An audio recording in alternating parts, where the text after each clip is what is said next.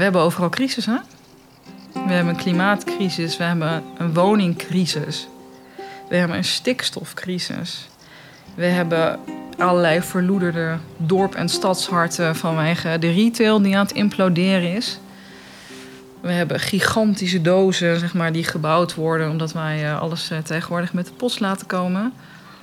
Dus ja, alles bij elkaar bekijkend uh, en ook nog eens het besef of de ambitie die we denk ik terecht hebben om duurzamer te zijn. Dus ja, de, zonne-energie en de windenergie ergens in die ruimte ook nog te gaan accommoderen.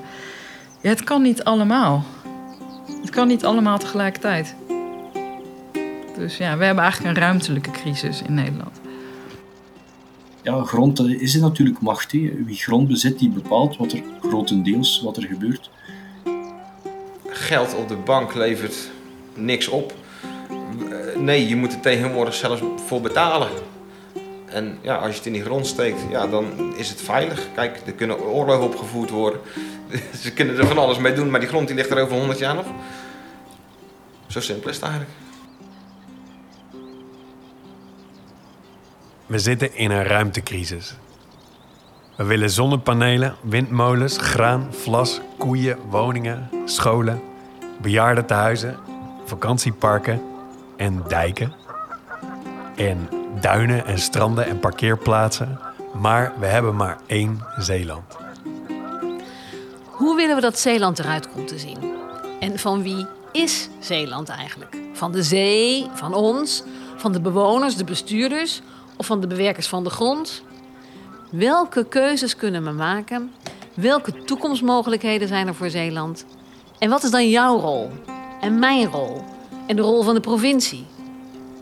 En kan het ook anders dan het nu gaat? Daarover willen we in gesprek met iedereen die ermee te maken heeft. En ja, het liefst dus ook met jou. Welkom bij de podcast van Wie is Zeeland? Een podcast over de toekomst van onze provincie.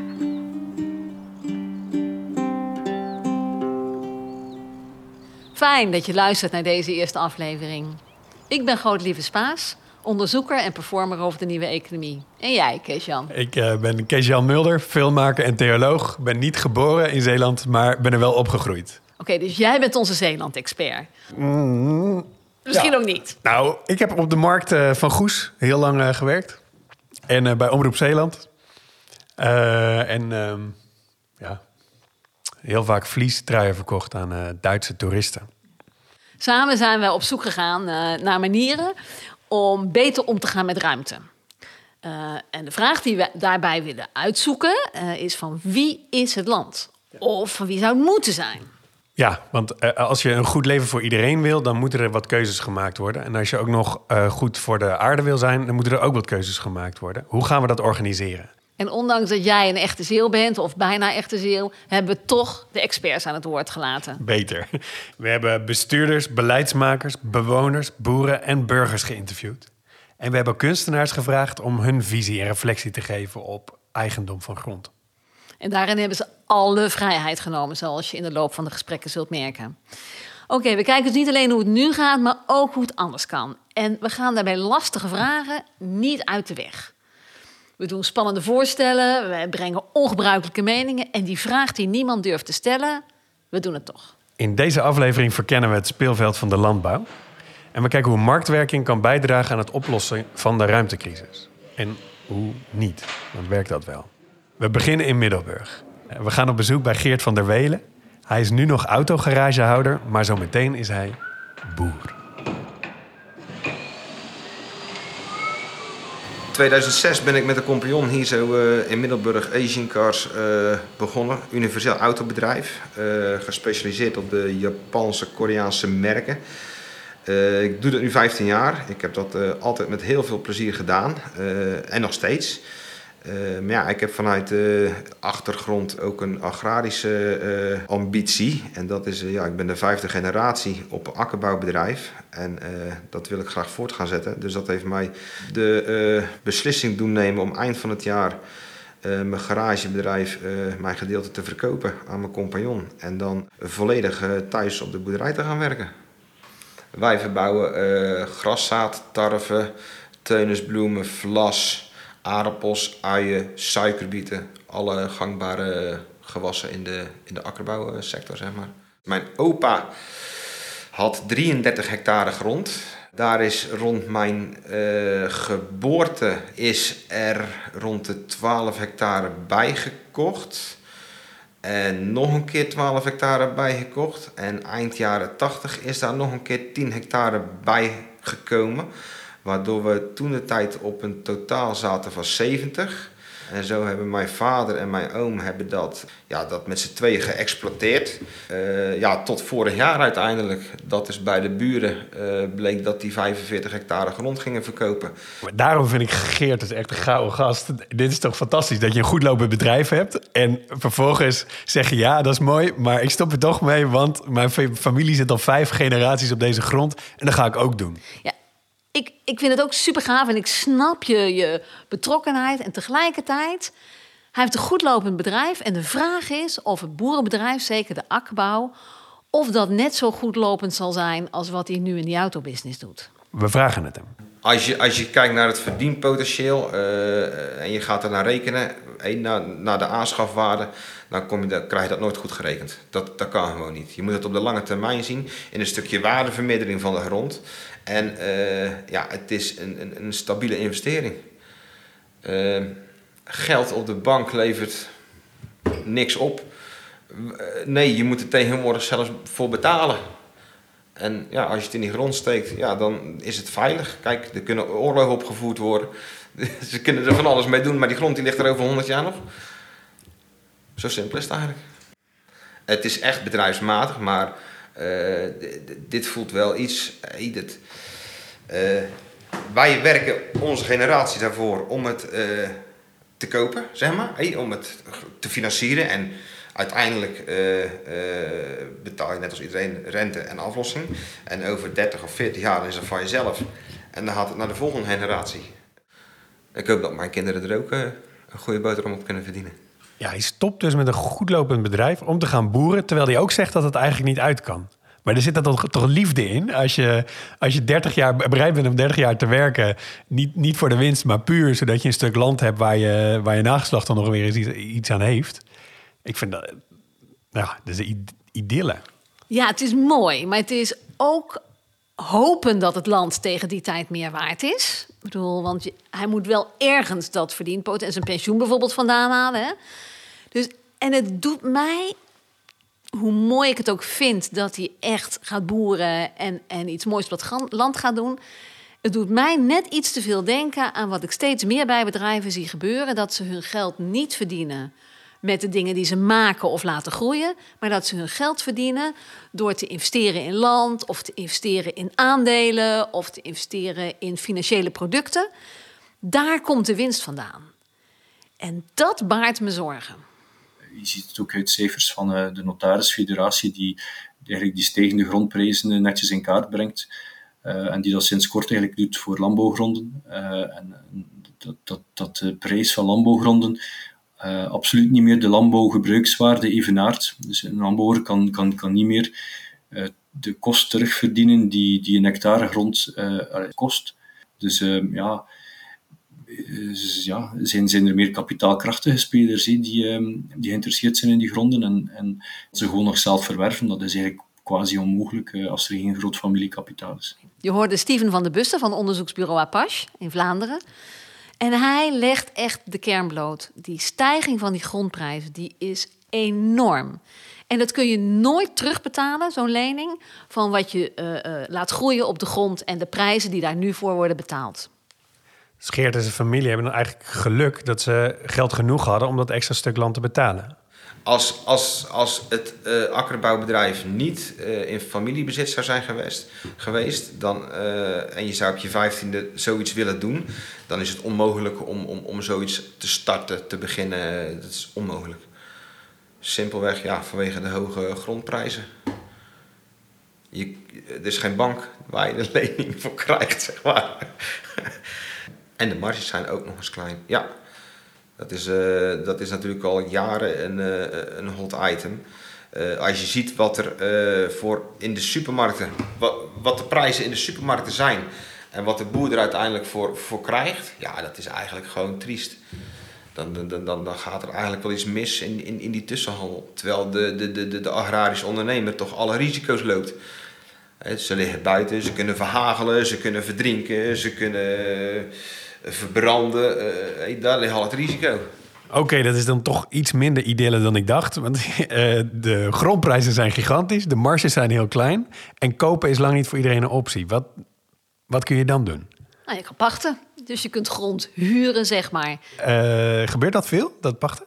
Ja, er gebeurt best veel. 30% van de landbouwgrond wordt verpacht. En 62% van de landbouwgrond is in eigendom van de boer. In Zeeland? In Zeeland, ja. En, uh, nou, en voor die pacht, daar zijn allerlei verschillende constructies voor. Uh, een mooi voorbeeld is wat uh, Raymond Gennissen van ASR vertelt, waar hij rentmeester is. Eigenlijk is het een boer die grond op de markt ziet en het koopt. En dan denkt van, goh, ik kan naar de bank toe gaan om een hypotheek te, te af te sluiten. Maar ook eh, eigenlijk bij ons langskomt dat ze bij ASR van... goh, kan ik bij ASR een eh, erfparkcontract sluiten? Dat houdt dan in dat wij bij de boer op gesprek gaan aan de keukentafel... en eigenlijk samen bepalen wat die grond waard is. En nou, dan, dan, financieren wij 70% van die van die vrije waarde, of van die marktwaarde. En uh, kan die, daar kopen wij het dan voor. En hij krijgt dan een erfpachtrecht voor terug. Bij een bank moet een boer traditioneel uh, tussen, tussen de 2 en de 5 procent aflossen per jaar. En bij een erfpachtproduct hoeft de boer pas op het einde zijn uh, aflossing te doen of een nieuw, nieuw contract te sluiten. Dus heeft alleen maar de kanon te betalen. Dus dat is het voordeel van de boer als je met een erfpachtproduct sluit. Dus dat je die aflossingslasten niet hebt. Waardoor je eigenlijk dus meer cash binnen je bedrijf houdt. En daar met die cash je investeringsbehoeften zou kunnen doen. Ik vraag me wel af, is dat dan zo ideaal? Want het is eigenlijk net als je huurwoning. Je, je betaalt de hele tijd huur, maar aan het eind van de, van de rit moet je alsnog aftikken als je dat huis zelf wil hebben. Uh, ja, dat klopt. En je betaalt naast de pacht ook nog de aflossing van die 30% hè, die je wel hebt gekocht. En die marges in de voedselbranche die blijven gewoon super laag. Dus de kans dat hij straks aan het eind genoeg gespaard heeft om alsnog die 70% te kopen, dat is maar heel erg de vraag. En die is heel klein. En anders pacht je gewoon weer door. En anders pacht je gewoon weer door, maar dan wordt die grond dus in feite nooit van jou. Dus dan blijf je maar betalen. En dat hoorden we net bij boer Geert. Die zegt over 30 jaar is de grond van mij en dan heb ik die kosten niet meer. En dan krijg ik eindelijk een fatsoenlijk verdienmodel. Hey, maar even terug naar ASR. Waarom investeren zij eigenlijk in die grond? dat is uh, omdat het dan eigenlijk een hele stabiele kaststroom voor ASR oplevert. Uh, wij kopen ons, deze gronden eigenlijk voor het levenbedrijf aan, dus pensioenen. een pensioen, dat, dat sparen mensen 40 jaar lang voor een pensioen. En uh, dan hoeven we pas geld uit te keren. Nou, dat sluit eigenlijk heel naadloos aan bij onze producten. Je koopt grond en die mensen kunnen over 30 of 40 jaar de grond terugkopen. Uh, en in de tussentijd krijgen wij een stabiele kaststroom. Nou, dat is eigenlijk uh, waardoor het zo mooi aansluit bij ons levenbedrijf, bij onze pensioen, pensioenbedrijf dit soort langlopende pachtcontracten zijn eigenlijk nog super gunstig voor de boer in vergelijking met allerlei kortlopende pachtcontracten. Want van die kortlopende pachtcontracten kan elke zes jaar de prijs worden veranderd en meestal dus verhoogd. Dus dat betekent dat je kosten steeds maar stijgen, maar je marge op je producten en de koopprijs voor voedsel die stijgt eigenlijk bijna niet. Kijk, ik ben aantekeningen aan het maken. Ik moet dus eigenlijk landeigenaar worden en dan kortlopend verpachten. Dan maak ik de meeste winst. Maar ja, maar ja dan is, dat is wel het einde van de idylle van het boerenleven. En misschien zelfs wel het einde van boeren in Nederland. En is dat wat we willen? Weet je, op dit moment stoppen gemiddeld zeven boeren per dag. En wat gebeurt er dan met die grond? In heel veel gevallen wordt die verkocht aan andere boeren. Uh, we hebben als ASR een onderzoek uh, laten uitvoeren. En uit dat onderzoek is gebleken dat eigenlijk de grote bedrijven, de toekomstbedrijven, die grote, hoge grondprijzen kunnen betalen. Dat, dat kleinere bedrijven kunnen die grondprijzen niet meer betalen om hun bedrijf uit te kunnen oefenen. Dat zijn eigenlijk ja, de toekomstige stoppers, onbiedig gezegd. Ja, het, het negatieve is, kijk, je kan als, als, als kleine ondernemer kan je eigenlijk niet meer, niet meer meedoen. Je, je, je, moet, je, je, ja, je moet eigenlijk iets, iets erbij doen om, ja, om gewoon een, een jaarsalaris bij elkaar te, te krauwen, zeg maar. En dat is wel eens jammer. Vroeger had je allemaal boerderijtjes van, eh, zeker hier op Walcheren, maar uh, door Beveland zijn dan wat grotere. Maar vroeger, was, dus mijn opa had 33 hectare en die had misschien wel zes man personeel. Wij hebben nu 100 hectare en we hebben geen personeel en nog kunnen we bijna niet rondkomen, zeg maar. Dat, dat, dat zegt wat over het, het verschil met vroeger en, en, en, en nu, zeg maar. Terwijl er toch steeds meer mensen op de wereld komen die gevoed zullen moeten worden.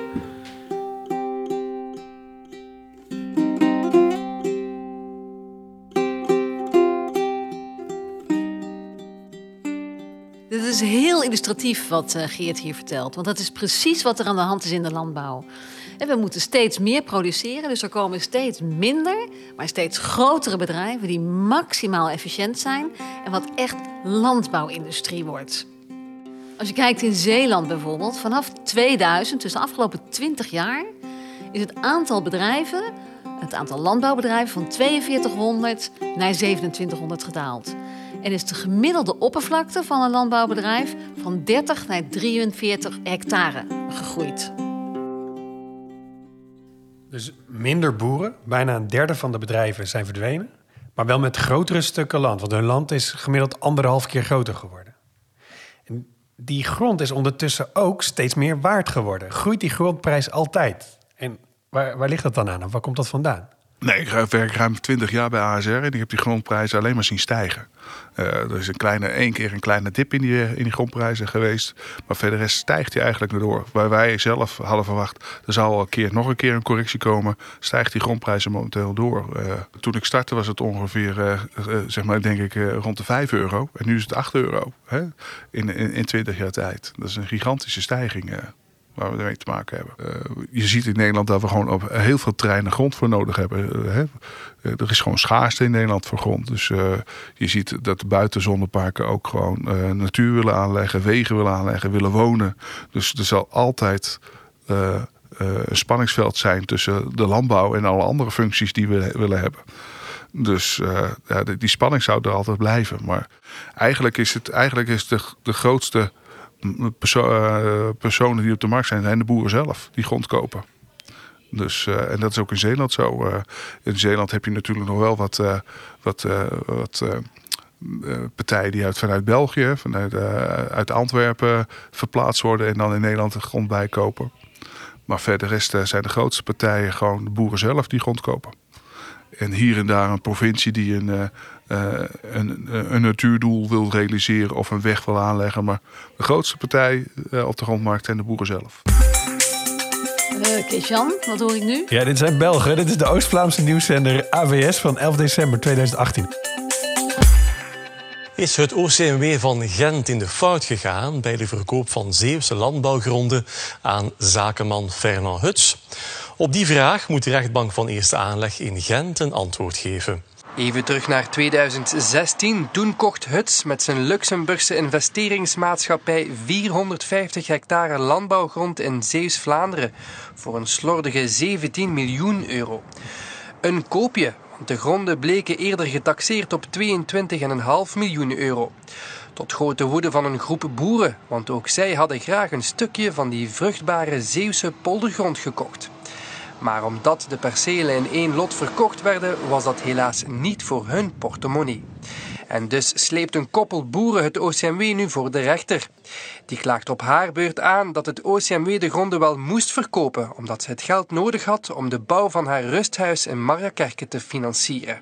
Oké, dus die hut die koopt 72 percelen met de bijbehorende pachtcontracten, zodat de gemeente genoeg geld heeft om voor haar inwoners te zorgen. Dus de gemeente verliest die pachtinkomsten en Huts krijgt hij. En die heeft dan de komende twintig jaar daar inkomsten van. Wat heeft hij daar nou eigenlijk aan? Nou, ik ben eens gaan navragen, weet je, en wat nou blijkt, hij heeft gewoon tijd en geduld. Dus hij wacht tot die pachtcontracten aflopen. En dan kan hij ze omzetten in kortlopende pachtcontracten. Of hij kan ze hopen dat de bestemming van een gebied verandert. En dan wordt het echt interessant. Ja, dat lijkt inderdaad het snelste gaan. Want landbouwgrond kost 8 euro de vierkante meter. Maar als je bestemmingsplan verandert naar bedrijventerrein... dan is diezelfde vierkante meter opeens 15 tot 20 euro waard. Uh, als het woonbestemming krijgt, dan is die 400 tot 500 euro per vierkante meter waard. Oké, dus de prijs van de grond heeft alles te maken met wat je ermee doet. En het heeft dus niks te maken met de grond zelf. Nee, ook bijvoorbeeld de kwaliteit van de grond... die speelt eigenlijk geen rol in uh, de waarde van de grond. Oké, nou even terug naar Huts hoor. Want hoe komt Gent nou eigenlijk aan die grond in Zeeland? Nou, hoe Gent, dat is een leuke vraag. Hoe Gent überhaupt aan dat stuk land komt, dat heb ik uitgezocht. En dat gaat eigenlijk ver terug. Want in de middeleeuwen werden die stukken grond gekocht door kloosters uit Gent, uit Brugge. Napoleon zei dat moet van de staat worden. En zo komt de gemeente Gent aan 450 hectare grond in Zeeuws-Vlaanderen. En niet alleen de gemeente Gent is eigenaar van grond in Zeeland. Er zijn in totaal 1653 percelen in Zeeland van Belgen. Dat is ongeveer 9,3 procent van alle percelen in Zeeland. En dat groeit. En niet alleen Belgen hebben bezit in Zeeland. Ongeveer 38 procent van het eigendom in Zeeland is in buitenlandse handen. Maar goed, de gemeente Gent verkoopt dus die grond. En waarom? Dat moeten we vragen aan Steven van de Bussen. We hoorden hem net al even van het onderzoeksplatform Apache. En hij is door die zaak Huts de wereld van grondbezit ingedoken. En hij kwam erachter dat de overheid dat veel vaker doet, publieke gronden verkopen. In 2016 was die verkoop. We hebben over die verkoopberichten die zaak opgevolgd. En toen hebben we ons eigenlijk ook de vraag gesteld van als het OCME Gent um, gronden verkoopt, hoe zit het eigenlijk met die andere steden en gemeenten in Vlaanderen? Hoe gaan die met hun publiek patrimonium om? Ik kwam er eigenlijk uit dat uh, in de periode 2014-2017, eigenlijk het hart van de vorige legislatuur, um, er uh, ongeveer um, 32 vierkante kilometer publieke grond werd verkocht. En dat is eigenlijk een oppervlakte die je kan vergelijken met uh, de oppervlakte van uh, Brusselstad, de hoofdstad Brusselstad. Dus dat gaat echt om, om een serieus, serieus areaal, publieke grond dat eigenlijk geprivatiseerd is geweest um, in die periode. Er um, zijn ook berekeningen geweest van banken die eens keken wat, um, wat is eigenlijk de impact geweest financieel, welke inkomsten hebben die daaruit vergaard. En naar schatting hebben die verkopen 1,6 miljard euro in het laadje gebracht. In Nederland gebeurt dat ook. De provincie Zeeland heeft de afgelopen vier jaar 112 hectare verkocht aan niet-overheden. Ja, er wordt inderdaad heel veel uh, grond verhandeld, ook door overheden. En dat is eigenlijk wel interessant als je bedenkt dat juist de overheid allerlei plannen heeft om Nederland duurzamer te maken, om te werken aan de energietransitie, om te zorgen dat er ruimte is uh, voor uh, de rivier of voor de zee. En dus hebben ze grond nodig. Ja, dan kunnen ze toch beter in de zak houden? Of, uh... Nou, kijk, grond en het verkopen van grond is zeker een manier om de gemeentekas aan te vullen. Weet je? En ik vind dat we in die zin ook mild moeten zijn naar gemeenten. Hey, en wie is dit? Dit is Lara Brandt. Uh, zij werkt bij het kadaster op het gebied van gebiedsontwikkeling en ze maakt deel uit van het expertteam woningbouw en de taskforce nieuwbouw woningcoöperaties. Ja, de meeste gemeenten zitten niet in de wedstrijd om heel veel geld te verdienen. Maar ze hebben wel, met name ook op het sociaal domein en zo, hebben ze bijzonder veel taken gekregen en ook niet extreem veel middelen. Dus als jij een stukje grond kan uh, verkopen aan een ontwikkelaar en je hebt er een goede anterieure overeenkomst op over wat uh, die ontwikkelaar daar gaat realiseren. En je kan ook nog een heel klein beetje geld verdienen waarmee je dorpshuis kan uh, openhouden, zeg maar. Dan, dan vind ik dat op zich wel een verdedigbare keuze. Als je ook in die zin over gemeenten spreekt in Nederland, heeft de gemeente heel veel, heel veel gezichten. Dus het grondbedrijf is in die zin een rekenmachine. Maar daaromheen zit natuurlijk ook heel veel besluitvorming en daar zit ambitie en daar zitten bepaalde, al dan niet expliciete paradigma's over wat een gemeente zou moeten zijn of zou moeten doen, waar ze wel of niet verantwoordelijk voor zijn. Dit is interessant, hè? Het grondbedrijf is een rekenmachine. Dus grond wordt heel erg bekeken van een vierkante meter en een bedrag geld. Terwijl als je eigenlijk kijkt, ook bij de provincie Zeeland, naar al die plannen, dan gaat dat niet over grond en over prijzen, maar over kwaliteit van leven, over duurzame landbouw, over de energietransitie, over uh, de circulair ondernemen. En daar hebben we allemaal grond voor nodig. Ja, het lijkt wel alsof we niet aan die dynamiek van het geld kunnen ontsnappen. En dat geldt ook voor gemeentes, die komen daar ook niet uit. Zelfs naar wat we geleerd zouden moeten hebben na de financiële crisis van 2008. Want dat is uiteindelijk ook als jij grond hebt of je hebt vastgoed, dan moet je daar ook belasting over betalen. Dus een van de natuurwetten van de projectontwikkeling is dat op het moment dat jij iets hebt verworven waar je iets mee wil, dan begint de teller te lopen. Hoe lang die teller loopt, hoe groter zeg maar, je investering wordt. Ehm, en wat veel gemeenten hebben ondervonden, is dat er dan uiteindelijk geen ontwikkeling plaatsvond. En dat ze de rode cijfers ingingen, omdat ze locaties uh, zeg maar in eigendom hadden waar niks mee gebeurde. En sommige gemeenten zijn daar ook echt nou ja, min of meer failliet op gegaan. Dus toen werd het eigenlijk ja, comme il faut om te zeggen van nou, we zorgen dat we zo min mogelijk in eigendom hebben en zo min mogelijk verantwoordelijkheden daarop. En dan lopen we ook zo min mogelijk risico. En dan heb je dus ook nauwelijks meer sturingsinstrumenten om al die plannen die je hebt, om die waar te maken. Want die hebben allemaal grond nodig. Die hebben allemaal grond nodig en dat kost steeds meer geld. Ja, dus de sleutel zit eigenlijk bij de landeigenaren. Ja, grond is natuurlijk macht. Wie grond bezit, die bepaalt wat er grotendeels wat er gebeurt. Ja, als, je, als, je, als je een partij grond hebt in een stad, dan kan die stad wel een aantal voorschriften opleggen van uh, het mag zo hoog zijn en, uh, en zoveel procent verhard enzovoort enzovoort. Maar ja, het is wel nog altijd die private partij die er zal in slagen om, uh, ja, om, om, om finaal te gaan uitvoeren wat, wat, wat men voor ogen heeft. en ja, de, de overheid heeft, ja, heeft eigenlijk nooit het laatste woord. Als ik dit hoor, en ik denk aan de ambities die de provincie Zeeland heeft. Heb je hartstikke veel grond nodig. Als het gaat over ruimte, dan, dan wil iedereen er wat mee. Uh, en er zijn natuurlijk een, een aantal zaken die, of, uh, die of, uh, met elkaar, met de beperkte ruimte die we hebben, waar we keuzes in moeten maken. Je hoort Dick van der Velde, hij is gedeputeerde van de provincie Zeeland en gaat onder andere over ruimtelijke ordening en grondzaken. Hij vertelt over de ambities die in de Zeeuwse omgevingsvisie staan. En waarover je op dit moment nog kunt meepraten en ook feedback op kunt geven. Hij ligt eh, ter inzage. En dit zijn de stippen op de horizon.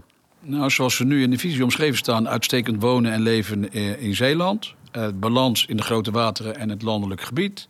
Een duurzame en innovatieve economie. En klimaatbestendig en CO2-neutraal Zeeland. Langs al die ambities Ehm, heb je de discussie over grond, over ruimte. Ehm, zo moet je het misschien even zeggen. Het gaat, het gaat vooral om, om ruimte. Het heet natuurlijk de nota grondbeleid, maar het gaat vooral over van hoe gaan we met de Zeeland, Zeeland is groot, uh, misschien in relatie tot, tot, tot, andere gebieden met relatief weinig inwoners. Maar het is toch een gewoon beperkte ruimte. Dat zijn stevige ambities en daar heb je super veel grond voor nodig. En als die grond gevangen zit in die marktwerking, dan kost dat handenvol geld. En moet je bovendien op de een of andere manier ja, een level playing field maken met de macht van die eigenaren. Hoe doe je dat? Want ja, kun je, kun je eruit komen? Moeten, wij het, uh, moeten we het niet zelf kopen als wij er zulke goede plannen mee hebben? Ja, op zich een goed idee. Weet je wie dat ook zegt? Dat is Bas van Bavel. Die zegt, hè, die, die marktwerking, dat is eigenlijk prima in die vrije markt.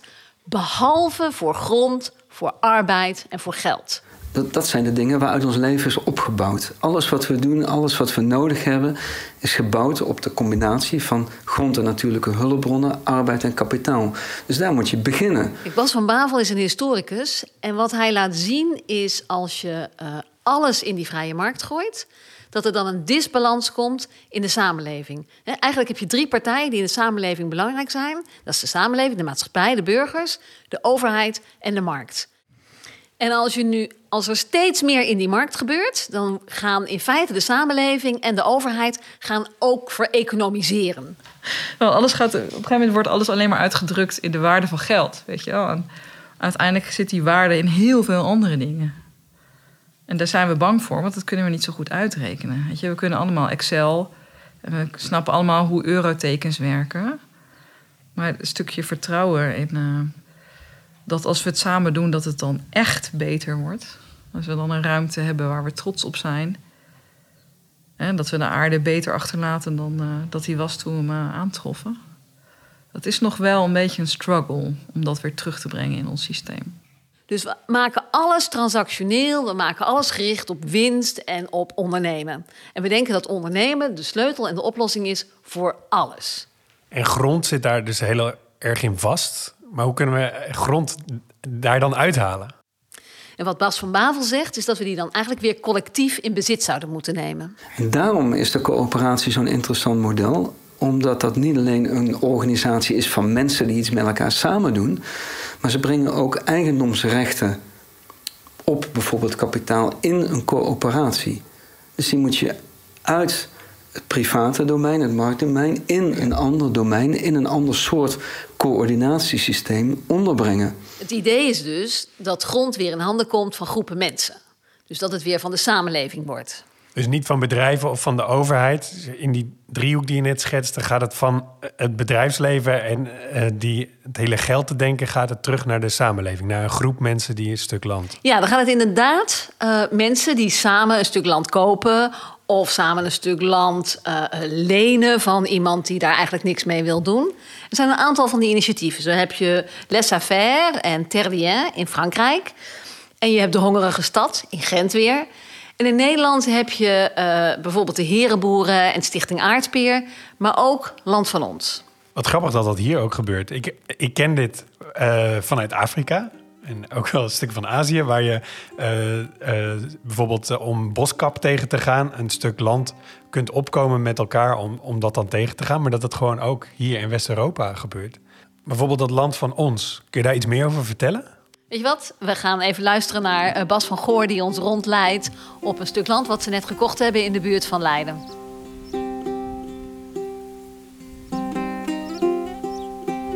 Ja, dus dit, uh, ja, dit is het stuk. Hè. Dus hier begint het, hè, de kant van de Leidse weg. Dus dit, dit hele gedeelte tot aan uh, achteraan bij de molen, wat je ziet.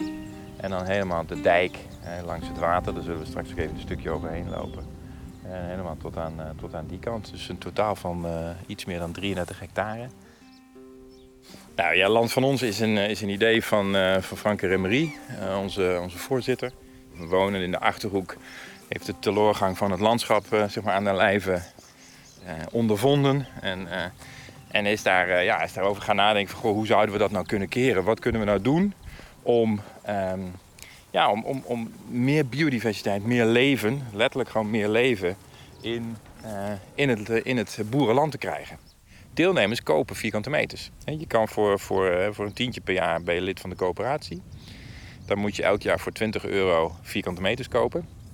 Nou, op het moment dat jij, die, op het moment dat jij voor 20 euro vierkante meters hebt gekocht, dan heb je één stem. Hè, dus dan, dan beslis je mee. Hè, of je nou voor 20 euro koopt of voor, voor 20.000 euro. Je hebt altijd één stem.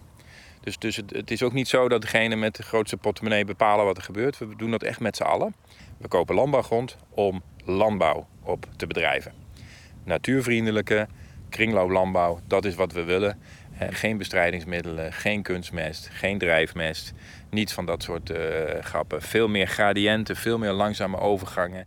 dus er wordt gewoon geboerd. Je zoekt dus ook een combinatie met een boer, met een pachter... die daar ja, op, een, op een biologische of biologisch dynamische eh, wijze aan de slag wil. Die onze, onze filosofie, onze principes onderschrijven. Want anders gaan we niet met elkaar in zee. En ja, dat is dan, dan de beheerder van zo'n van zo'n zo'n perceel. Nou, wij, wij, wij zeggen echt van joh, grond is, of is van iedereen, moet van iedereen zijn. Grond moet toegankelijk zijn voor, voor, uh, voor de jonge boer om, om, uh, om voedselproductie op te kunnen doen. En uh, we denken dus dat, hè, wat we nu, we gaan hier heen, wat, je dus nu gewoon ziet, is, ja, is, is dus de, de, een enorm probleem voor jonge boeren om aan de slag te gaan. Dus ergens gaat dat, ja, stokt dat. Dus er moet een andere partij komen. En, en misschien dus een partij als Land van Ons. Of eigenlijk de burgers van Nederland. Die zeggen van, joh, weet je, als wij nou met z'n allen die grond kopen... dan weten we gewoon zeker dat er goed op geboerd wordt. Dan kunnen wij de eisen stellen. Dit klinkt wel als een, als een mooi model. Of ik moet meteen aan rentmeesters denken. Dat je echt zorgt voor de aarde. Maar waarom kan het hier dan wel uit? Waarom kunnen deze boeren wel biologisch boeren... en en uh, kunnen gewone boeren dat eigenlijk heel moeilijk? Nou ja, kijk, een van de zaken die natuurlijk uh, uh, enorm helpen is uh, dat wij de grond gekocht hebben en dat wij geen, nou laat ik het zo zeggen, geen marktconforme pacht vragen. Dus, dus zijn, zijn, zijn grondkosten zijn een heel stuk lager dan, dan voor de gemiddelde boer dus als jij een, een, perceel, een perceel landbouwgrond gemiddeld in Nederland, nou zit je toch al gauw op 60.000, 65.000, misschien wel 70.000 euro de hectare vandaag de dag. Um, ja, als, jij daar, uh, als je dat als boer koopt en je moet een stukje rente en een stukje aflossing betalen, ja, dan ben je al een, heel, heleboel geld kwijt. De, de, rendementen in de, in, de, in de landbouw zijn gewoon niet hoog, staan onder druk. Um, En dus, dus dat betekent dat, al, ja, dat je, je, moet zo'n boer niet meer ja, nog verder mee op kosten jagen. Want dan, dan dwing je hem wel de intensieve kant op. En wij zeggen juist, wij, ja, nodigen ze als het ware uit van joh, doe met ons mee. Eh, je pacht eh, is nooit het probleem. Die is, eh, die is, daar gaan we over in gesprek, die passen we aan, et cetera.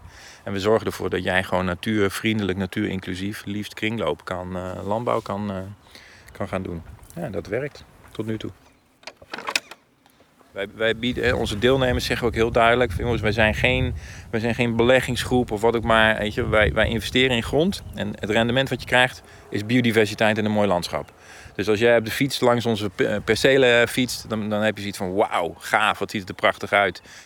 Het is gewoon een uh, mooie manier om uh, het land. Uh, wat ik dus super mooi vind aan Land van Ons, dat ze zich dus niet richten op winst, dus op financieel rendement, maar juist op rendement in termen van ecologische waarden of sociale waarden of mooi landschap waar je doorheen fietst, gezond voedsel, bodemkwaliteit.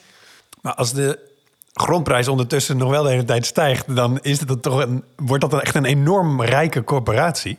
Ja, theoretisch is dat zo. Maar, maar wat ze natuurlijk proberen te doen, is om het systeem te veranderen. Dus, dus ze gaan een soort wereld creëren waar het anders is dan waar het voor de rest is. En ik denk dat zij die waarde van die grond veel lager in de boeken zetten. En, dus, en ook afgesproken hebben dat ze het gewoon nooit gaan verkopen. Dus ze bevrijden het uit de squeeze van de marktwerking. Precies zoals Bas van Bavel zegt dat het zou kunnen. Ja, maar ik zou dat ook wel willen met mijn uh, koophuis. Dat ik zeg, de WOZ ga ik even een paar tikjes lager inschatten... want uh, het is toch waanzin wat er hier op de markt gebeurt. Kun je eraan onttrekken? Nou, weet je dat je hier in Rotterdam een wooncoöperatie hebt... die van de bewoners zelf is. En die hebben de waarde van het huis vastgesteld op een bepaald bedrag, wat nooit meer verandert. En als je eruit gaat, krijg je het bedrag terug dat je erin hebt gestopt en de volgende betaalt hetzelfde bedrag. En die coöperatie die, wordt rijker? Nee, die coöperatie wordt helemaal niet rijker, want je woont gewoon in dat huis. Je gebruikt het. Dus het is, het is een kwestie van afspraken veranderen. Dat is, dat is het spannende wat Land van ons doet. Ze proberen de set van afspraken van hoe wij omgaan met land, om die te veranderen. En ze zorgen dat land niet meer geëxploiteerd en uitgebuit kan worden.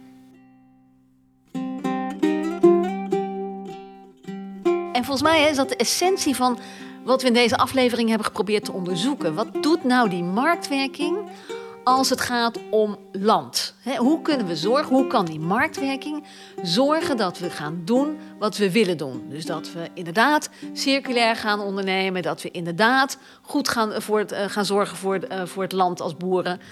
en, en de vraag is steeds, willen we meer marktwerking of meer collectivering? Meer monocultuur of meer diversiteit? Meer winst of meer maatschappelijke waarde? Ja, dat zijn heel stevige dilemma's en die vragen ook om stevige keuzes. En dat is ook een vraag die we aan jou willen stellen. Luisteraar, wat vind jij? Wat vind je dat de provincie Zeeland zou moeten doen en hoe dan? Moet de overheid ingrijpen op marktwerking? Of moeten ze burgerinitiatieven ondersteunen? En welke dan en welke vooral niet? Welke rol kan de overheid pakken? Welke moeten ze vooral niet pakken? Dat horen we graag. Je kunt meedenken met ons. Uh, via de website van de provincie Zeeland en op de LinkedIn-pagina van Wie is Zeeland.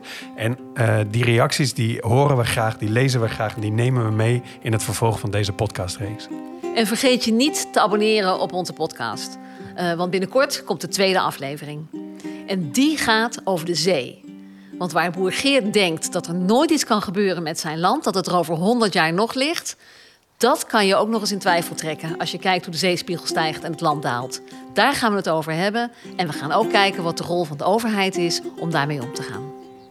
Deze podcast is een autonome productie van de makers en werd mede mogelijk gemaakt door de provincie Zeeland. Als deel van een groter project waarin we op zoek gaan naar nieuwe instrumenten voor grondbeleid. Interviews en montage werden gedaan door Allard Amelink. Muziek is van Broeder Dieleman. En het doel van deze podcast is het gesprek over de toekomst van het land en de rol van het eigendom. Daarin aan te zwengelen en om jullie te inspireren. Hopelijk is dat gelukt en tot de volgende keer.